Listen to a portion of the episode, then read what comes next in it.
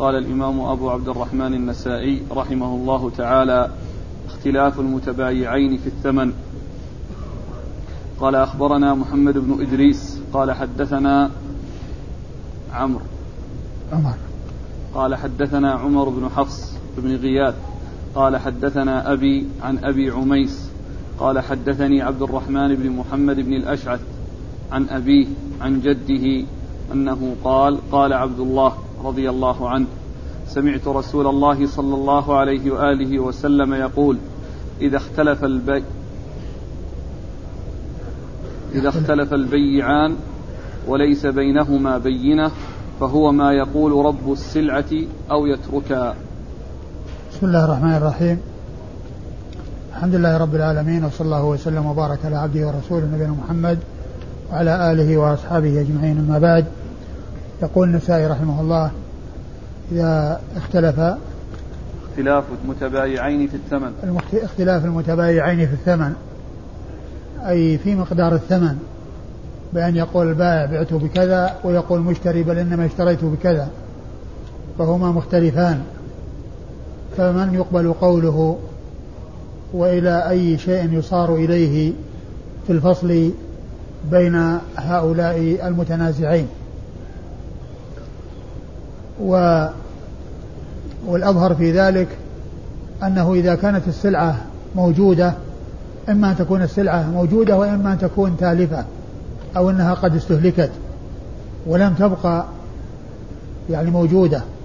فإن كانت السلعة موجودة فيحلف البائع على ما ادعاه فإذا حلف إن رضي المشتري بما حصل وبما حلف عليه فإنه يعني آه، يدفع له وينتهي الإشكال. وإن لم يرضى فإنه يحلف هو أيضا على نفي ما ادعاه البائع. يحلف على نفيه إذا لم يرضى. فإذا حلف ووجد التحالف من الجهتين فإن رضي أحدهما بما حلف عليه الآخر انتهى الأمر على ذلك وإلا فسخ وإلا فسخ البيع. هذا إذا كانت السلعة قائمة وإذا فسخ أخذ البائع سلعته والمشتري نقوده عنده. هذا إذا كانت السلعة قائمة موجودة. أما إذا كانت السلعة تالفة أو أن المشتري استهلكها ولم تكن العين موجودة والاختلاف على الثمن فإنه يصار في ذلك إلى قيمة المثل. يصار في ذلك إلى قيمة المثل. لأنه آه لا يصار إلى ما ادعاه هذا ولا ما ادعاه إليه هذا لأن كل واحد منهما حلف. فيعني رجع إلى قيمة المثل. فإن آه، آه، حصل اتفاق بينهما على الفسخ يعني انتهى الأمر وإما حصل اتفاق على الفسخ حصل التحالف الذي أشرت إليه. وعلى هذا فالسلعة إذا كانت قائمة إن اتفقا على الفسخ يعني فالأمر لا إشكال فيه. وهذا وإن لم يتفقا يحلف البائع. فإذا حلف البائع إن رضي المشتري بما حلف عليه دفع له ما حلف عليه وانتهى. وإن لم يرضى فإنه يحلف أي المشتري. وإذا وجد التحالف منهما هذا حلف وهذا حلف ولم يتفقا على شيء يعني إلا لم يتفق على شيء ووجد التحالف منهما هذا حلف وهذا حلف لأن هذا حلف على نفي ما قاله هذا وحلف وهذا حلف على ما قاله نفي قاله هذا ولم يرضى أحدهما بما حلف على الآخر فإنه يفسخ العقد. يفسخ العقد وتعاد السلعة إلى صاحبها. وإن كانت السلعة قائمة يرجع إلى قيمة المثل. وإن كانت السلعة قائمة بعد التحالف يرجع إلى قيمة المثل. ثم ورد النسائي حديث عبد الله بن مسعود رضي الله تعالى عنه رضي الله تعالى عنه أن إيش قال؟ قال إذا اختلف البيعان وليس إذا اختلف البيعان أي المتبايعان البائع والمشتري وليس بينهما بينة. أما إذا وجد بينة تفصل بينهما بأن جاء المشتري بشهود أو جاء البائع بشهود فإنه يقضى للبينة. فإنه يقضى للبينة وبموجب البينة. لكن حيث لا بينة يحلف فإن إيش فإن لم تكن بينة فالقول قول رب السلعة. نعم إذا اختلف البيعان وليس بينهما بينة فهو ما يقول رب السلعة. إذا اختلف البينان وليس, بينهما بينة لأنه كان هناك بينة صير إليها. وإن لم يكن هناك بينة القول قول رب السلعة. أي البائع. أي مع يمينه.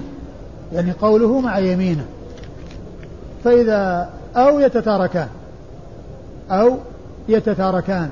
أو يترك البيع. يعني إما يفسخانه وإما أن يحلف آه، البائع. والقول قوله ويلزم المشتري. يعني ب يعني بما يعني آه، حلف عليه البائع. يعني هذا هو مقتضى أو هذا هو الذي يفهم من الحديث.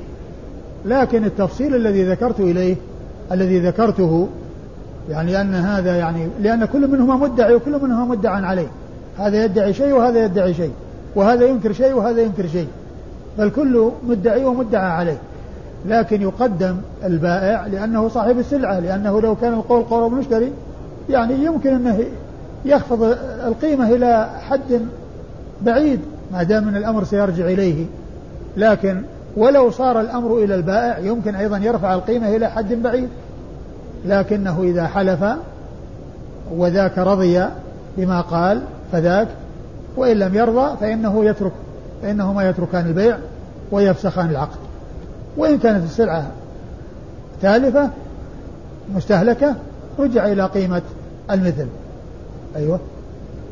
إسناد قال أخبرنا محمد بن إدريس. أخبرنا محمد بن إدريس هو أبو حاتم الرازي الإمام المشهور الحافظ الكبير ثقة حافظ إمام من أئمة الجرح والتعديل من أكثر النقاد كلاما في الرجال وكثيرا ما يأتي قال أبو حاتم كذا وضعف أبو حاتم وكتاب ابن أبي حاتم يعني سألت أبي وأبو زرعة وكثيرا ما يأتي ذكره وذكر أبي زرعة وهما رازيان.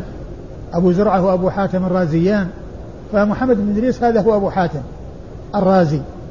وهو ثقة حافظ أخرج حديثه البخاري. وأبو داود والنسائي. أبو داود أبو داود والنسائي وابن ماجه في التفسير. أيوه. عن عمر بن حفص. عن عمر بن حفص بن غياث وهو صدوق. ثقة. ثقة ثقة ربما وهم. نعم. ثقة ربما ربما وهم أخرج حديثه أبو داود والترمذي والنسائي. كلهم إلا ابن ماجه. أخرج حديثه أصحاب الكتب الستة إلا ابن ماجه. عن أبي. الكتب الستة إلا ابن ماجه؟ نشوف الترجمة يعني باع يعني مثلا سيارة يعني بقيمة مثلا عشرة آلاف ريال ويعني اختلف في القيمة فقال هذا عشرة آلاف وهذا قال لا اثنى عشر ألف. ويعني حصل التحالف والسيارة زد تلفت لا يمكن ردها يرجع إلى قيمة مثلها. يعني قيمة مثلها يعني السيارة التي بيعت وهي من نوع كذا وكذا وقت العقد تساوي قيمتها كذا وكذا إذا يرجع إلى قيمتها وقت العقد. إيش يوجد؟ البخاري ومسلم وأبو داود والترمذي والنسائي. ثقة ربما نعم. أصحاب الكتب الستة لابن ماجه؟ نعم. أخرج حديثه أصحاب الكتب الستة لابن ماجه هو عمر وليس عمرو. عمر بن حفص بن غياث. عن أبيه حفص بن غياث وهو ثقة أخرج له أصحاب الكتب الستة. عن أبي عميس. عن أبي عميس وهو عتبة بن عبد الله المسعودي وهو ثقة أخرج له أصحاب الكتب الستة. وهو مشهور بهذه الكنية. نعم. عن عبد الرحمن بن محمد بن الأشعث. عن عبد الرحمن بن محمد بن الأشعث وهو عبد الرحمن بن قيس. يعني كما عند أبي داود قال عبد الرحمن بن قيس بن محمد بن الأشعث يروي عن أبيه عن جده وهنا نسبه إلى جده فقال عبد الرحمن بن محمد ابن الأشعث. وهو مجهول الحال أخرج حديثه أبو داود النسائي نعم.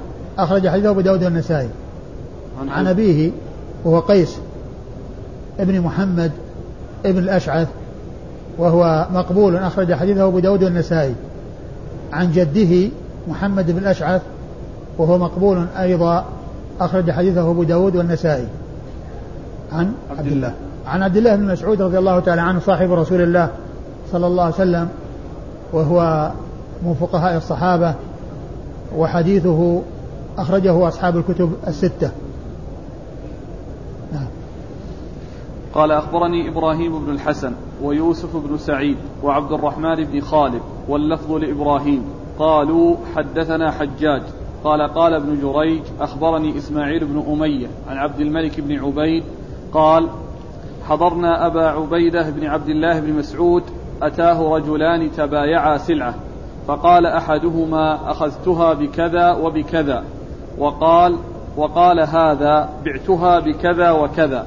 فقال أبو عبيدة أتي ابن مسعود رضي الله عنه في مثل هذا فقال حضرت رسول الله صلى الله عليه وآله وسلم أتي بمثل هذا فأمر البائع أن يستحلف ثم يختار المبتاع فإن شاء أخذ وإن شاء ترك. ثم ورد النسائي حديث عبد الله بن مسعود رضي الله عنه أن أن النبي صلى الله عليه وسلم أتي يعني ببائع ومشتري اختلفا في الثمن فأمر البائع أن يستحلف. يعني المقصود به إما أن المقصود أمر البائع أن يستحلف أو أن أن يستحلف يعني بمعنى يحلف. يعني لأن المقصود هو كون البائع يحلف وهو يطابق ما جاء حديث ابن مسعود السابق. يعني من جهة أن القول قرب بالسلعة الذي هو البائع. يعني قوله مع يمينه. فإيش؟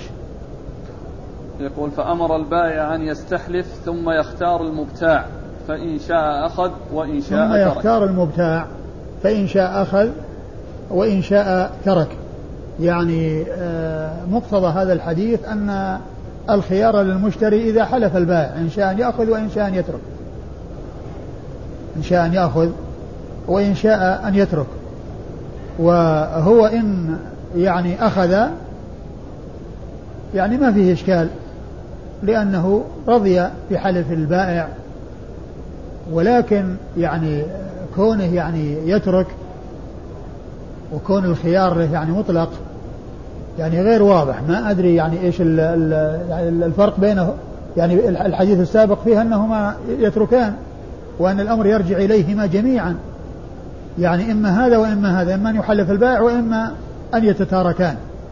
يعني إما هذا وإما هذا. وهنا قال أن البائع يعني يستحلف أو يحلف والمشتري يأخذ أو يترك والمشتري يأخذ أو يترك وأخذه لا, لا إشكال فيه وإنما الإشكال في الترك وكونه يعني بالخيار مع أن يعني هذا القول قوله وقد حلف فغير واضح يعني يعني يعني دلالة الحديث على على ما دل عليه الحديث السابق لأن الحديث السابق فيه إما حلف البائع وذاك يرضى وإما التتارك وفسخ العقد وهذا لا إشكال فيه. ولكن في كون المشتري يخير بين الأخذ والترك هذا فيه إشكال. لأنه يعني ما دام الأمر سيرجع إلى, إلى, اختياره يعني إيش الحاجة إلى حلف البائع؟ إيش الحاجة إلى حلف البائع؟ ما دام الأمر سيرجع إلى أنه يأخذ أو يترك. نعم. والإسناد؟ قال أخبرني إبراهيم بن الحسن. أخبرني إبراهيم بن الحسن المصيصي وهو ثقة أخرج حديثه أبو داود والنسائي. نعم. أبو داود والنسائي. ويوسف بن ويوسف بن خالد المصيصي وهو ثقة أخرج حديثه النسائي وحده. عبد الرحمن هذاك يوسف بن سعيد. ويوسف نعم. يوسف بن سعيد. وخالد وعبد الرحمن بن خالد. يوسف بن سعيد هذا هو المصيصي. ثقة أخرج حديث النسائي وحده. وخالد وعبد الرحمن بن خالد. عبد الرحمن بن خالد بن يزيد. وهو صدوق. صدوق أخرج حديثه. أبو داود النسائي. أبو داود والنسائي واللفظ لإبراهيم واللفظ لإبراهيم يعني للشيخ الأول. اللفظ لإبراهيم أي الشيخ الأول. ومعنى هذا أن الشيخين الآخرين لهم ألفاظ أخرى. يعني غير مذكورة. الشيخين الآخرين لهم ألفاظ أخرى. والذي ذكره هو اللفظ الأول اللفظ الشيخ الأول وهو إبراهيم ابن الحسن المصيصي أيوة قالوا حدثنا حجاج حجاج بن محمد المصيصي الأعور ثقة أخرج له أصحاب كتب الستة عن ابن جريج عن ابن جريج عن الملك بن عبد العزيز بن جريج المكي ثقة فقيه يرسل ويدلس وحديثه أخرجه أصحاب كتب الستة. عن إسماعيل بن أمية. إسماعيل بن أمية ثقة أخرجه أصحاب كتب الستة. عن عبد الملك بن عبيد. عبد الملك بن عبيد وهو مقبول أخرج حديثه النسائي وحده. مجهول الحال. ها؟ مجهول الحال نعم. مجهول الحال أخرج حديثه النسائي وحده. عن أبي عبيدة بن عبد الله بن مسعود. عن أبي عبيدة بن عبد الله بن مسعود وقيل أنه عبد الرحمن بن عبد الله بن مسعود وهو ثقة أخرج له أصحاب الكتب ثقة أخرج له أصحاب الكتب الستة عن أبيه عن أبيه عبد الله بن مسعود رضي الله عنه وقد مر ذكره ومعلوم أن عبد الرحمن أن أبا عبيدة المشهور أنه لم يصح سماعه من أبيه فعلى هذا يكون فيه انقطاع. وكذلك أيضا فيه هذا المقبول مجهول الحال الذي هو عبد الملك ابن عبيد. لكن صححه بعض أهل العلم ولعل ذلك يرجع إلى يعني يعني تقويته في يعني الطرق الأخرى التي جاءت من مسعود مثل الطريقة السابقة وهو يكون البائع هو الذي يكون القول قوله وإن كان بينهما اختلاف لكن يمكن أن يكون الأقوال الأخرى أو الروايات الأخرى التي لم يذكرها المصنف يعني فيها شيء من التفصيل الذي ليس يعني في هذا المتن الذي آه، عزاه المؤلف إلى شيخه إبراهيم ابن الحسن المصيصي.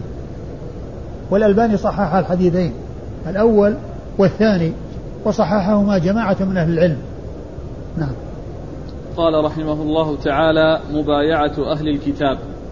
قال أخبرنا أحمد بن حرب. قال حدثنا أبو معاوية عن الأعمش عن إبراهيم عن الأسود عن عائشة رضي الله عنها أنها قالت اشترى رسول الله صلى الله عليه وآله وسلم من يهودي طعاما بنسيئة وأعطاه درعا له رهنا. ثم ورد النسائي حديث الترجمة وهي مبايعة أهل الكتاب. يعني البيع والشراء مع أهل الكتاب يعني سائق. البيع والشراء مع الكفار سائق. لا بأس به. وهذا يعني شيء معلوم. وكثير يعني من التجارات يعني كانت سابقا تكون مع الكفار لأنهم يعني كانوا يذهبون إلى الشام. يعني في الجاهلية وفي الإسلام. يعني ويأتي تأتي البضائع من الشام وتأتي من الأماكن المختلفة والبيع والشراء مع الكفار يعني آه، حاصل. وقد جاءت النصوص دالة عليه ومنه هذا الحديث الذي أورده النسائي وهو حديث جابر عائشة, عائشة أن الرسول إيش؟ اشترى رسول الله صلى الله عليه وسلم من يهودي طعاما بنسيئة. اشترى, اشترى رسول الله صلى الله عليه وسلم طعاما من يهودي بنسيئة يعني بأجل يعني طعاما القيمة مؤجلة ليس نقدا. وأعطاه. نعم وأعطاه درعا له رهنا. وأعطاه درعا له رهنا. وأعطاه درعا له رهنا. يعني في مقابل هذا الطعام الذي اشتراه لأهله صلى الله عليه وسلم. فهذا يدل على مبايعة الكتاب والبيع والشراء معهم وأنه سائغ.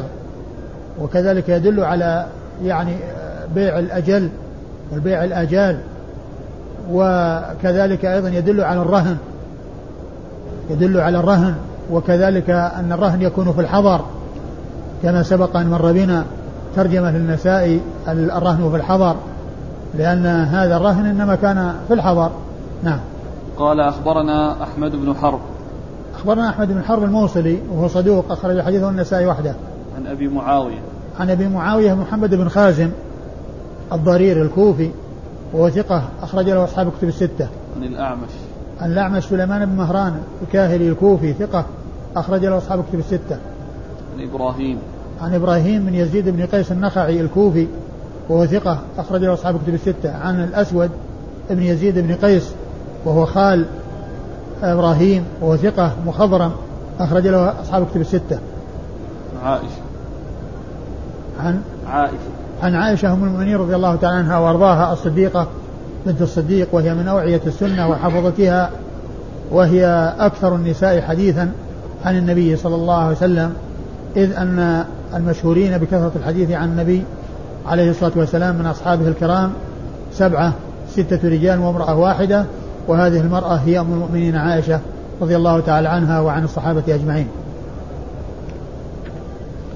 قال أخبرنا يوسف بن حماد قال حدثنا سفيان بن حبيب عن هشام عن عكرمة عن ابن عباس رضي الله عنهما أنه قال توفي رسول الله صلى الله عليه وآله وسلم ودرعه مرهونة عند يهودي بثلاثين صاعا من شعير لأهله. ثم ورد النسائي حديث ابن عباس رضي الله تعالى عنهما وهو مثل حديث عائشة. وفيه إضافة أن الرسول توفي ويعني آه، هذه الدرع لا تزال مرهونة. وهو مثل الذي قبله. أي حديث عائشة. وأما إسناد الحديث فيقول النسائي أخبرنا يوسف بن حماد. نعم. وهو ثقة أخرج له مسلم والترمذي والنسائي وابن ماجه. وهو ثقة أخرج حديثه مسلم والترمذي والنسائي وابن ماجه. عن سفيان بن حبيب. عن سفيان بن حبيب وهو ثقة أخرج حديثه البخاري في الأدب المفرد وأصحاب السنة الأربعة. عن هشام. عن هشام بن حسان. وهو ثقة أخرج له أصحاب الكتب الستة. عن عكرمة. عن عكرمة مولى بن عباس وهو ثقة أيضا أخرج حديثه أصحاب الكتب الستة. عن عبد الله بن عباس ابن عبد المطلب ابن عم النبي صلى الله عليه وسلم أحد العبادلة الأربعة من الصحابة الكرام وأحد السبعة المعروفين بكثرة الحديث عن النبي صلى الله عليه وسلم. قال رحمه الله تعالى بيع المدبر. قال أخبرنا قتيبة قال حدثنا الليث عن أبي الزبير عن جابر رضي الله عنه أنه قال أعتق رجل من بني عذرة عبدا له عن دبر فبلغ ذلك رسول الله صلى الله عليه وآله وسلم فقال ألك مال غيره؟ قال لا. فقال رسول الله صلى الله عليه وآله وسلم من يشتريه مني؟ فاشتراه نعيم بن عبد الله العدوي بثمانمائة درهم. فجاء بها رسول الله صلى الله عليه وآله وسلم فدفعها إليه ثم قال ابدأ بنفسك فتصدق عليها فإن فضل شيء فلأهلك فإن فضل من أهلك شيء فلذي قرابتك فإن فضل من ذي قرابتك شيء فهكذا وهكذا وهكذا يقول بين يديك وعن يمينك وعن شمالك. ثم ورد النسائي هذه الترجمة وهي بيع المدبر. والمدبر هو العبد المملوك الذي يعلق عتقه بالوفاة بأن يقول يعني أعتقته أو هو عتيق بعد وفاتي أو يوصي بأنه يكون عتيقا بعدما يتوفى. قيل له مدبر لأن عتقه علق على الموت والموت دبر الحياة.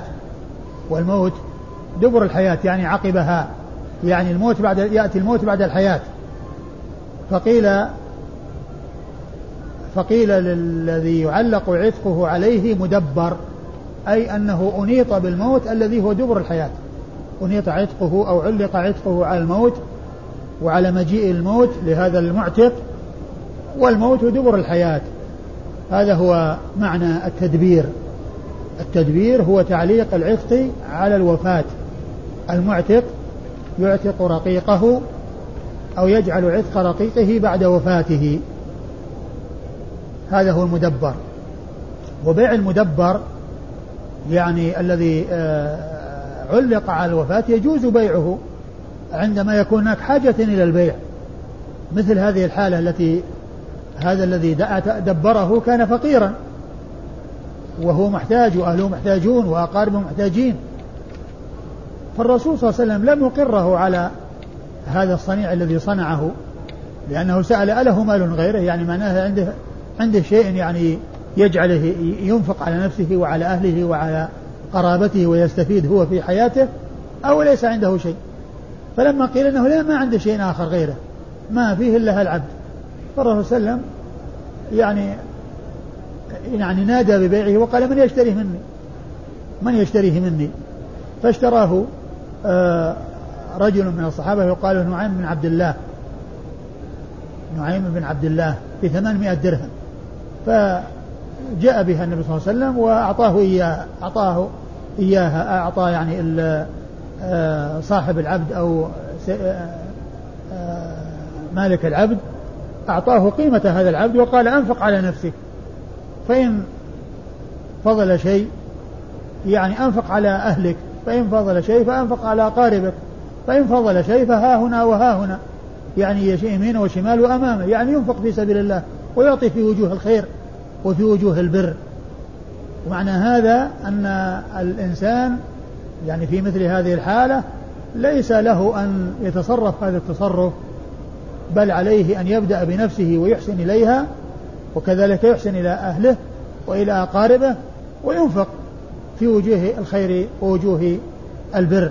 لكن إذا كان هناك يعني سعة وهناك مجال فإن التدبير يبقى على ما هو عليه.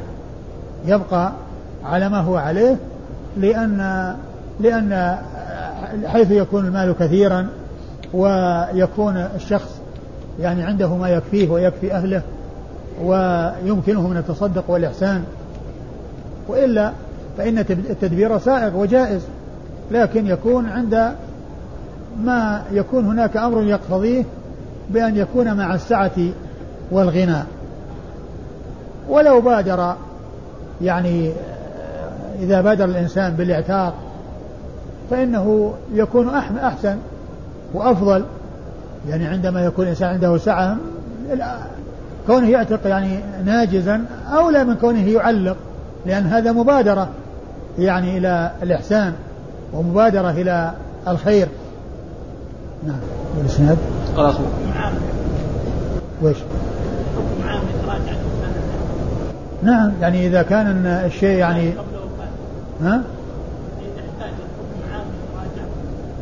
نعم إذا كان إذا كان أنه يعني مثلا فقير أو عنده يعني هذا مثل جاء في الحديث رجل أعتق يعني أعبد ليس له غيرهم فالرسول باعه وهو, وهو في الحياة يعني مو تدبير. نعم. أيوه. جاب المال ولا جاب جاب المال واعطاه إيش لفظ الحديث؟ لا فجاء. إيش الحديث؟ قال فاشتراه نعيم بن عبد الله العدوي بثمانمائة درهم. فجاء بها رسول الله صلى الله عليه وسلم فدفعها إليه ثم قال ابدأ بنفسك. يعني الذي يعني يحتمل أن يكون يعني جاء بها أي البائع المشتري. الرسول والرسول دفعها إليه. أو أن أن أن ذكر وصولها للرسول ما ذكر وأن الرسول دفعها إليه. يعني محتمل هذا وهذا كل كل ذلك صحيح. كل ذلك ممكن. والضبط يعني غالبا لا سيما بالضبط بالشكل ما ما يعتمد عليه لأن أحيانا يأتي يعني ضبط بالشكل وهو غير صحيح. لكن يحتمل أن يكون المشتري جاء بها وأعطاها الرسول الرسول أعطاها إياه ويحتمل أن يكون آه، البيع والشراء تم بين الرسول صلى الله عليه وسلم وبين آه، نعيم بن عبد الله والرسول بعدما قبض الثمن أعطاه لصاحبه. بالنسبة للبيع لم ينقض إيه لكن هذا إذا كان عنده شو اسمه قدرة. أما إذا كان ما عنده قدرة قصة اللي عنده ثلاثة أعبد اعتقهم والرسول باعهم. وأقر يعني يعني البعض وترك البعض. نعم. قال أخبرنا قتيبة. قتيبة بن سعيد بن جميل بن طريف البغلاني ثقة أخرجه أصحاب في الستة. عن الليث. عن الليث بن سعد وهو ثقة فقيه أخرجه أصحاب في الستة. عن أبي الزبير. عن أبي الزبير محمد بن مسلم بن تدرس المكي ثقة صدوق. وهو صدوق يدلس أخرج حديث أصحاب الكتب. عن جابر. عن جابر بن عبد الله الأنصاري رضي الله عنه صاحب رسول الله عليه الصلاة والسلام وأحد السبعة المعروفين بكثرة الحديث عن النبي صلى الله عليه وسلم. قال أخبرنا زياد بن أيوب. قال حدثنا إسماعيل. قال حدثنا أيوب عن أبي الزبير عن جابر رضي الله عنه أن رجلا من الأنصار يقال له أبو مذكور أعتق غلاما له عن دبر يقال له يعقوب. لم يكن له مال غيره. فدعا به رسول الله صلى الله عليه وآله وسلم فقال من يشتريه؟ فاشتراه نعيم بن عبد الله بثمانمائة درهم فدفعها إليه وقال إذا كان أحدكم فقيرا فاشتراه فاشتراه. فاشتراه نعيم بن عبد الله بثمانمائة درهم فدفعها إلي وقال إذا كان أحدكم فقيرا فليبدأ بنفسه فإن كان فضلا فعلى عياله. فإن كان فضلا فعلى قرابته أو على ذي رحمه. فإن كان فضلا فها هنا وها هنا. ثم ورد النسائي الحديث جاء حديث جاء من طريق أخرى وهو مثل ما تقدم. يعني أن الرسول لم يقر هذا التدبير بل باعه بثمانمائة درهم وأعطاه النقود وأمره بأن ينفق على نفسه ثم على أهله ثم على قرابته ثم يعني يجعلها ها هنا وها هنا. يعني في سبيل الله يمينا وشمالا وأمامه كما جاء في الرواية السابقة. أيوه. قال أخبرنا زياد بن أيوب. زياد بن أيوب هو ثقة أخرج حديثه البخاري وأبو داود والترمذي والنسائي. عن إسماعيل. عن إسماعيل بن, بن علية إسماعيل بن إبراهيم بن مقسم المشهور بن علية هو ثقة أخرج له أصحاب كتب الستة. عن أيوب. عن أيوب بن أبي تميمة السختياني ثقة أخرج له أصحاب كتب الستة. عن أبي الزبير عن جابر. عن أبي الزبير عن جابر وقد مر ذكرهما.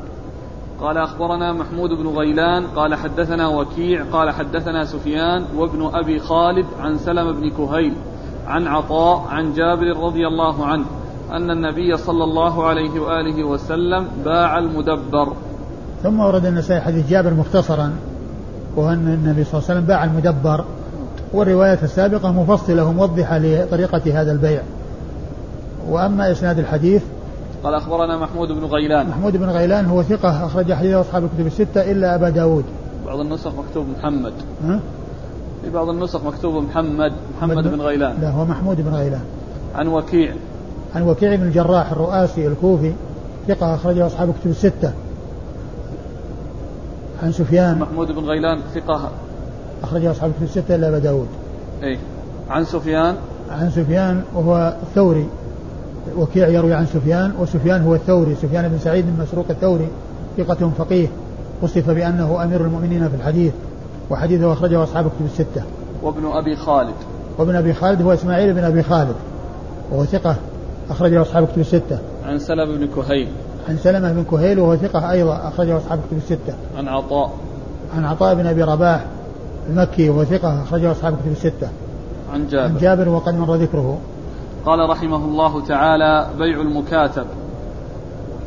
قال أخبرنا قتيبة بن سعيد. قال حدثنا الليث عن ابن شهاب عن عروة عن عائشة رضي الله عنها أنها أخبرته أن بريرة جاءت عائشة تستعينها في كتابتها شيئا فقالت لها عائشة ارجعي إلى أهلك فإن أحبوا أن أقضي عنك كتابتك. فإن أحبوا أن أقضي عنك كتابتك ويكون ولاؤك لي فعلت. فذكرت ذلك بريرة لأهلها فأبوا وقالوا إن شاءت أن تحتسب عليك فلتفعل ويكون لنا ولاؤك.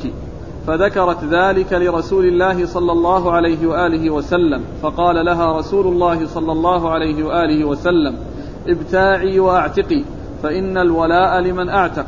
ثم قال رسول الله صلى الله عليه وآله وسلم ما بال أقوام يشترطون شروطا ليست في كتاب الله فمن اشترط شيئا ليس في كتاب الله فليس له وإن اشترط مئة شرط وشرط الله أحق وأوثق.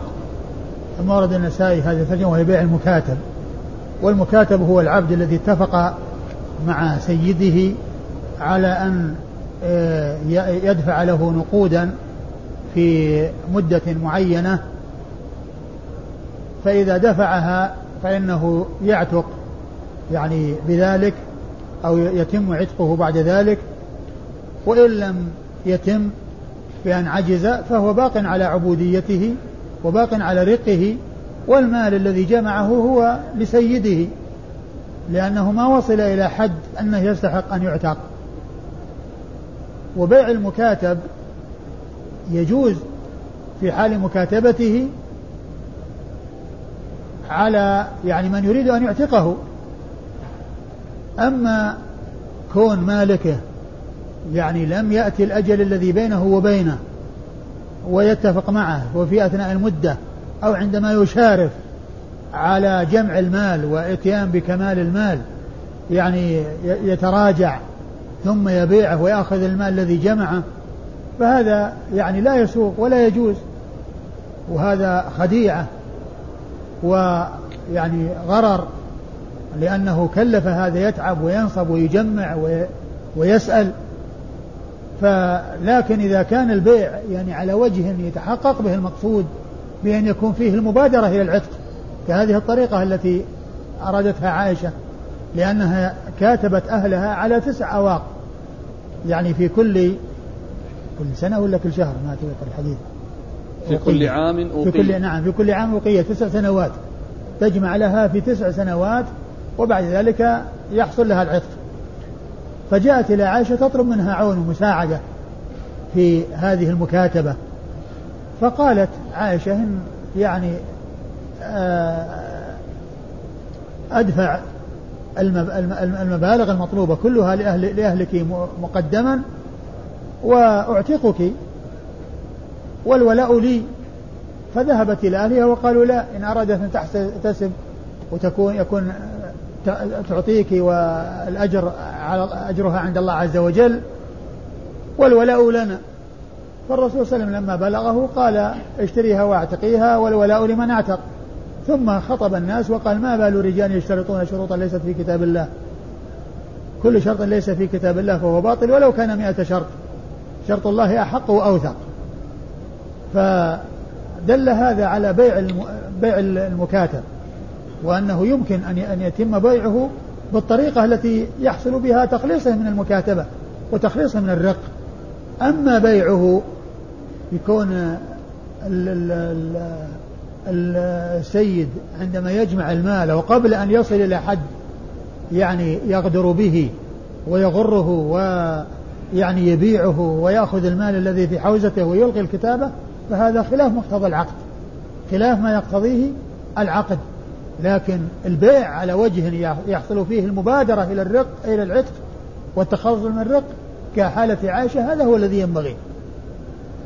هذا هو الذي ينبغي. فإذا المكاتب هو العبد الذي اتفق مع سيده على أن يجمع له مالا في يعني منجم على أوقات وإذا يعني أدى ما عليه فإنه يحصل مقتضى العقد العفق وإن عجز أو كسل أو لم يعني ينشط لجمع المال فإنه باق على على رقه وهو عبد ما بقي عليه درهم كما يقول العلماء.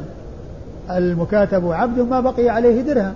يعني إلى أن يأتي بآخر شيء يعني يجب عليه وعند ذلك ينتهي من العبودية ومن الرق إلى الحرية. حديث عائشة قالت أن بريرة جاءت عائشة تستعينها في كتابتها شيئا. من هو عائشة. عروة يروي عن عائشة. نعم نعم. عروة يروي عن عائشة أن بريرة جاءت إلى عائشة تستعينها في كتابتها. يعني تطلب منها أن تعينها على المبلغ الذي التزمت لأهلها بأن تدفعه إليهم في مقابل حريتها.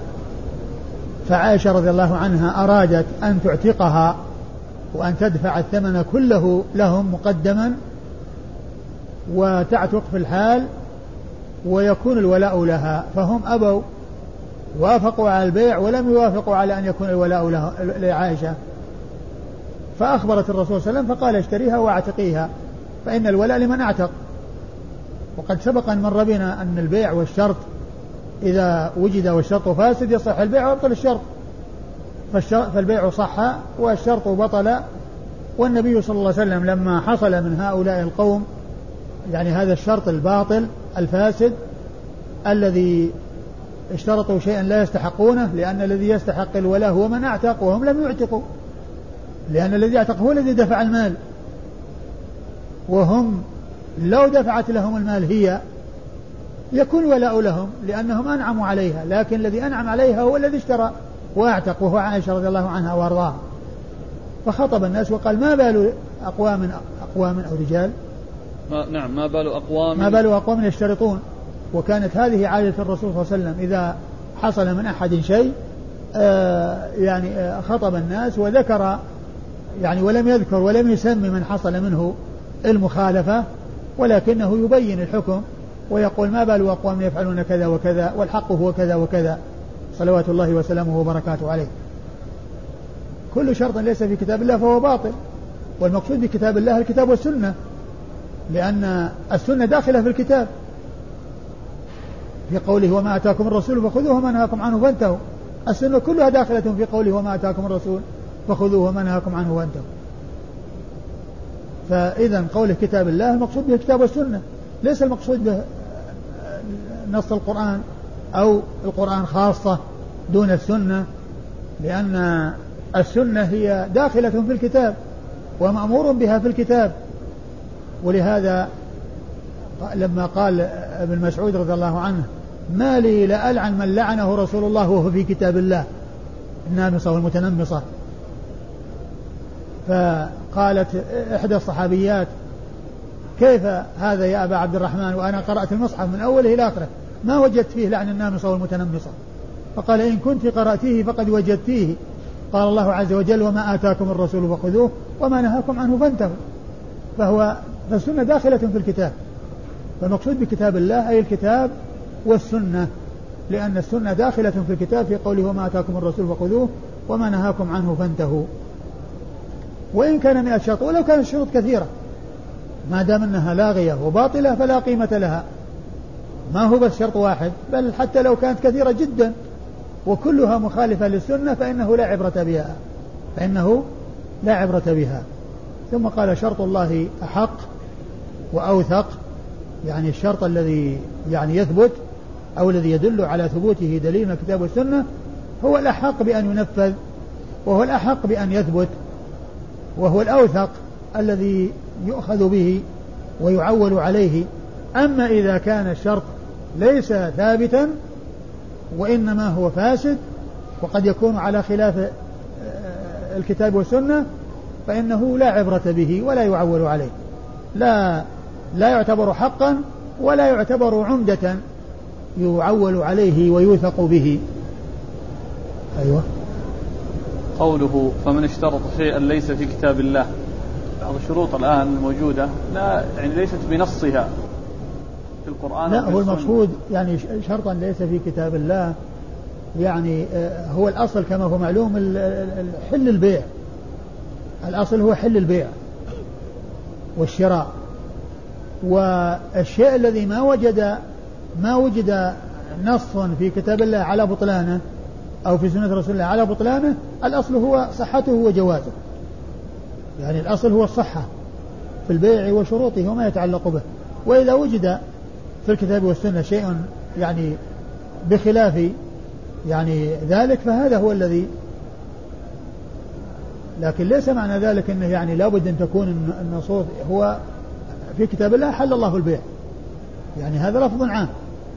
فإذا وجد شيء يعني يخالف هذا الأصل فإنه لا لا يجوز المصير إليه.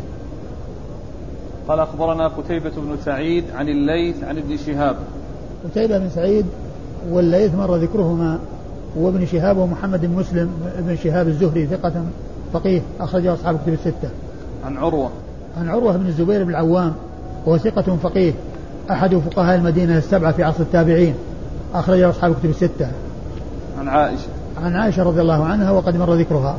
قال رحمه الله تعالى المكاتب يباع قبل أن يقضي من كتابته شيئا قال أخبرنا يونس بن عبد الأعلى قال أنبأنا ابن وهب قال أخبرني رجال من أهل العلم منهم يونس والليث أن ابن شهاب أخبرهم عن عروة عن عائشة رضي الله عنها أنها قالت جاءت بريرة إلى جاءت بريرة إلي فقالت يا عائشة إني كاتبت أهلي على تسع أواق في كل عام أوقية فأعينيني ولم تكن قضت من كتابتها شيئا.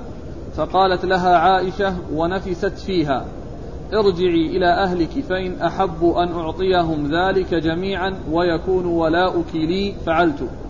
فذهبت بريرة إلى أهلها فعرضت ذلك عليهم فأبوا. وقالوا إن شاءت أن تحتسب عليك فلتفعل ويكون ذلك لنا. فذكرت ذلك عائشة لرسول الله صلى الله عليه وآله وسلم فقال لا يمنعك ذلك منها. لا يمنعك ذلك. نعم ذلك منها. ابتاعي وأعتقي. فإن الولاء لمن أعتق. ففعلت. ورد, أيوة. وقام رسول الله صلى الله عليه وآله وسلم في الناس فحمد الله تعالى ثم قال أما بعد فما بال الناس يشترطون شروطا ليست في كتاب الله؟ من اشترط شرطا ليس في كتاب الله فهو باطل وإن كان مئة شرط قضاء الله أحق وشرط الله أوثق وإنما الولاء لمن أعتق. ثم أورد النسائي حديث عائشة من طريق أخرى. ثم ورد النسائي هذه الترجمة وهي قوله المكاتب يباع قبل أن يقضي من كتابته شيئا. المكاتب يباع قبل أن يقضي من كتابته شيئا. يعني معناه أنه في أول المكاتبة لأن القصة في أول المكاتبة ويعني يمكن أن يكون في أولها وفي أثنائها يعني آه، يتم البيع والبيع يكون والولاء يكون لمن أعتق الذي حصل منه العتق بعد الشراء. لكن المقصود من هذه من هذه الترجمة هو بيان أن هذه القصة التي حصلت كانت في أول الأمر. يعني ولم تكن قضت من كتابتها شيئا لأنها بمجرد ما جرى الاتفاق بينها وبين أهلها وبدأت في تحصيل ما يقابل القسط الأول الذي هو أوقية للسنة الأولى جاءت إلى عائشة تستعينها. تستعينها في الأوقية هذه التي للسنة الأولى. أن تحصل شيئا منها لتدفعه إليهم. فعائشة رضي الله عنها أرادت أنها تدفع الجميع مقدما. تدفع الجميع مقدما. يعني هذا الذي طلبوه مؤجلا وفي تسع سنوات ستعطيهم دفعة تعطيهم إياه دفعة واحدة وتعتقها. فطلبت منها أن تقول أن تخبر أهلها بأنها عائشة مستعدة لشرائها وعتقها. ويكون الولاء لها. فأبوا أن يكون لها الولاء وإنما يكون لهم الولاء. وعندما أخبرت بذلك رسول الله صلى الله عليه وسلم أمرها بأن تشتريها وتعتقها ثم قال قضاء الله أحق. الشيء الذي قضى به من أن يعني الولاء لمن أعتق أن هذا هو القضاء الذي يجب المصير إليه. وشرط الله أوثق يعني إذا وجد في البيع شرط سائغ في الكتاب والسنة فهو الذي يعتمد عليه ويعول عليه. وإنما الولاء لمن أعتق. وإنما الولاء لمن أعتق. يعني من حصل منه العتق ومن حصلت منه النعمة ومن حصل منه الإحسان هذا هو الذي يستحق الولاء. وال, وال... الولاء يعني هي نعمة. وصلة بين المعتق والمعتق بسبب تخليصه فهو لا يباع ولا يوهب. لا يباع ولا يوهب ولا يستحقه إلا من اعتق. لا يستحقه شخص آخر. يعني كهؤلاء الذين أرادوا أن يعتق غيرهم ويكون الولاء لهم.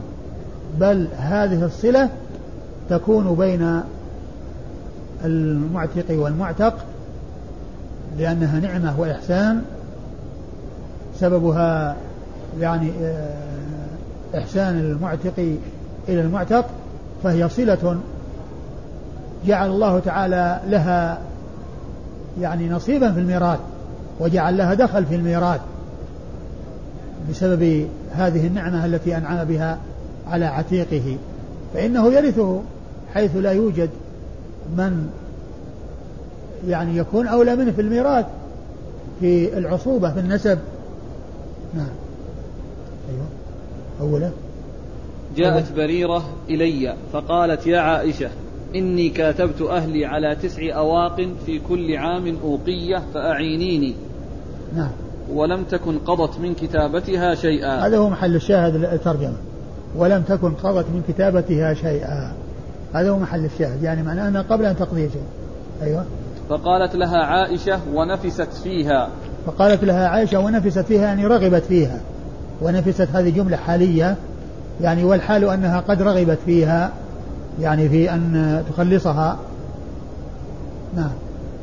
ارجعي إلى أهلك فإن أحبوا أن أعطيهم ذلك جميعا ويكون ولاؤك لي فعلت. فذهبت بريرة إلى أهلها فعرضت ذلك عليهم فأبوا. وقالوا إن شاءت أن تحتسب عليك فلتفعل ويكون ذلك لنا. يعني ذلك أي الولاء. نعم.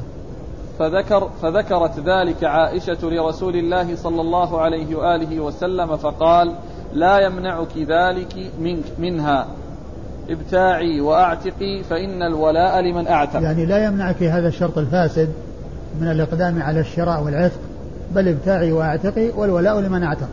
لا يكون لهم شيء لأن هذا مخالف للكتاب والسنة. ما يكون في تغرير بهم؟ نعم. ما في تغرير. لا ما في تغرير لأن أصلا هم شرطوا شيء خارج عن عن استحقاقهم. يعني شيء لا يستحقونه. يعني معناه أنه يعني إذا يعني وجدت الشروط وهي باطلة فوجودها من عدم في عدمها سواء جاءت من البائع أو جاءت من المشتري. سواء جاءت من البائع أو جاءت من المشتري وجودها كعدمها. يعني إذا اشترط البائع شرطا فاسدا. هل يقدم المشتري على البيع دون أن يعلم البائع بأن هذا الشرط فاسد؟ ما يصح. ليس بلازم. ليس بلازم.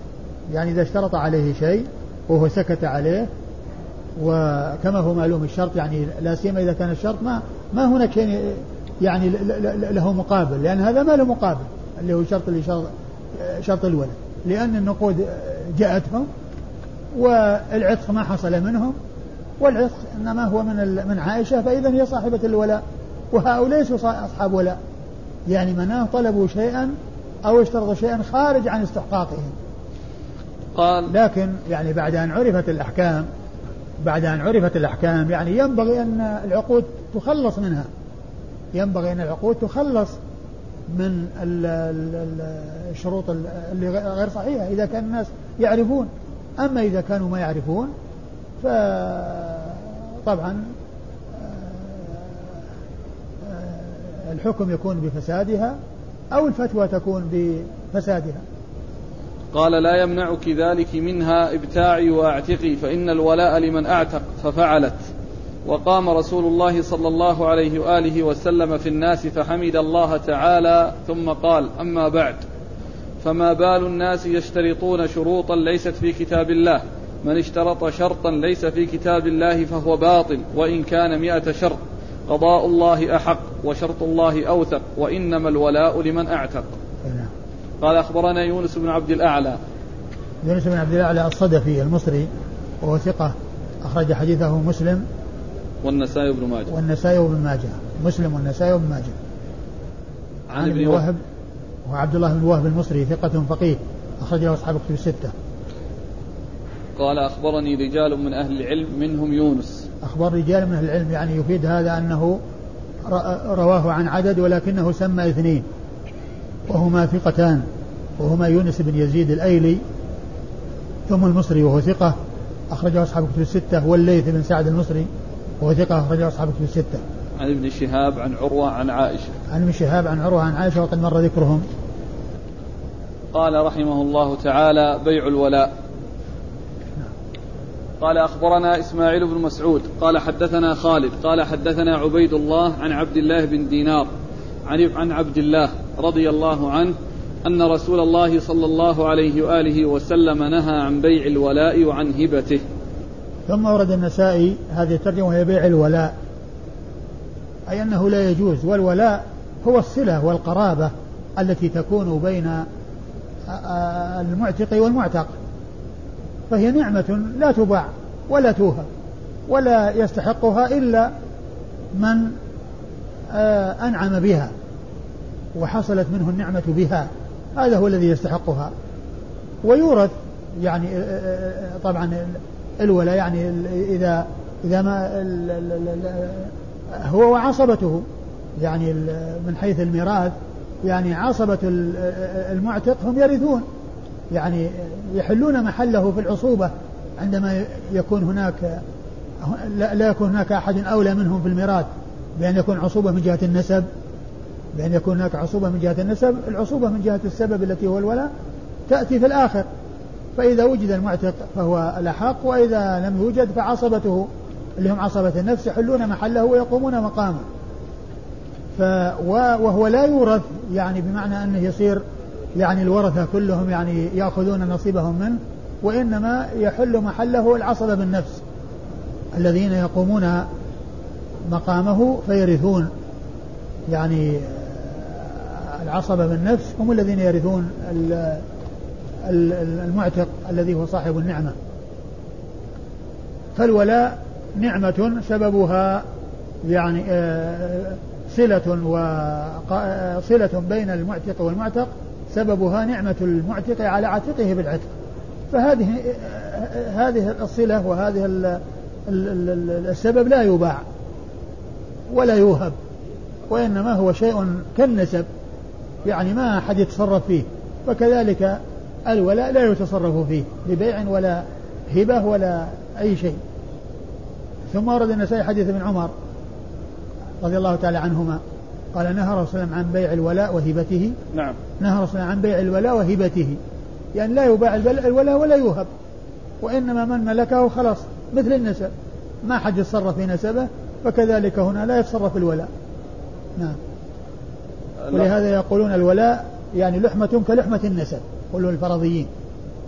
لحمة كلحمة النسب يعني يعني معناه شيء يعني ثابت وشيء مستقر ما ما يتصرف فيه كما أن النسب لا يتصرف فيه لا يتصرف في الولاء.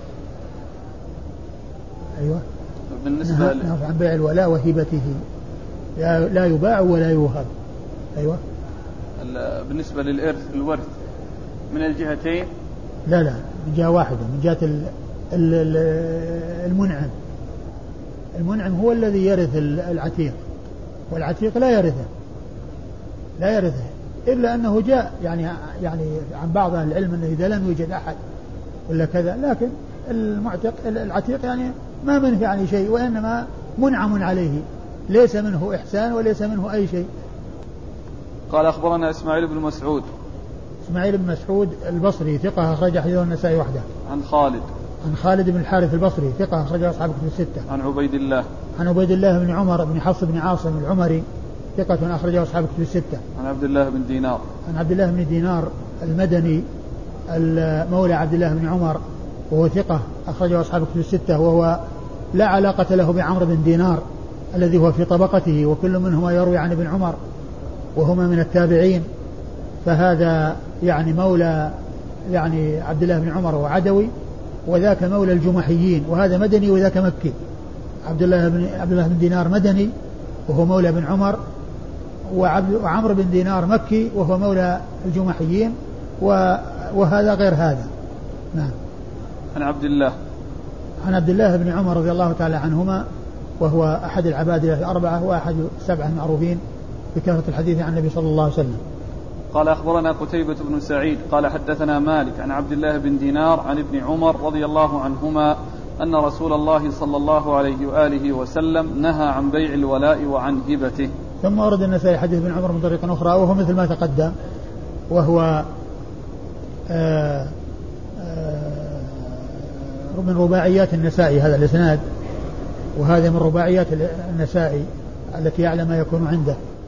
وهذا الطريق أو هذا الحديث هو من الأحاديث التي يقال عنها أنها من الغرائب التي ما جاءت إلا من طريق واحد لأنها ما جاءت إلا من طريق عبد الله بن عمر عن عبد الله بن دينار عبد الله بن درع عبد الله بن عمر فهو من الغرائب أو من الأشياء الغريبة التي جاءت من طريق واحد وهي صحيحة في الصحيحين الحديث في الصحيحين ولكنه من غرائب الصحيح مثل حديث إنما المبنيات وحديث آه، آخر حديث البخاري كلمتان حبيبتان للرحمن. يعني هذه من غرائب الصحيح التي جاءت من طريق واحد فقط. نعم. الرجال تقدم. قتيبة والرجال, والرجال الأربعة تقدموا نعم. قال أخبرنا علي بن حجر قال حدثنا إسماعيل بن إبراهيم عن شعبة عن عبد الله بن دينار عن ابن عمر رضي الله عنهما أنه قال نهى رسول الله صلى الله عليه وآله وسلم عن بيع الولاء وعن هبته. ثم ورد النسائي حديث ابن عمر من طريق أخرى وهو مثل ما تقدم. والإسناد علي بن حجر بن إياس المروزي السعدي ثقة أخرج حديثه البخاري ومسلم والترمذي والنسائي. عن إسماعيل بن إبراهيم. إسماعيل بن إبراهيم وهو بن علية وقد مر ذكره. عن شعبة. عن شعبة بن الحجاج الواسطي ثم البصري وهو ثقة وصف بأنه أمير المؤمنين في الحديث وحديث أخرجه أصحاب الكتب الستة. عن عبد الله بن دينار عن ابن عمر وقد مر ذكرهما.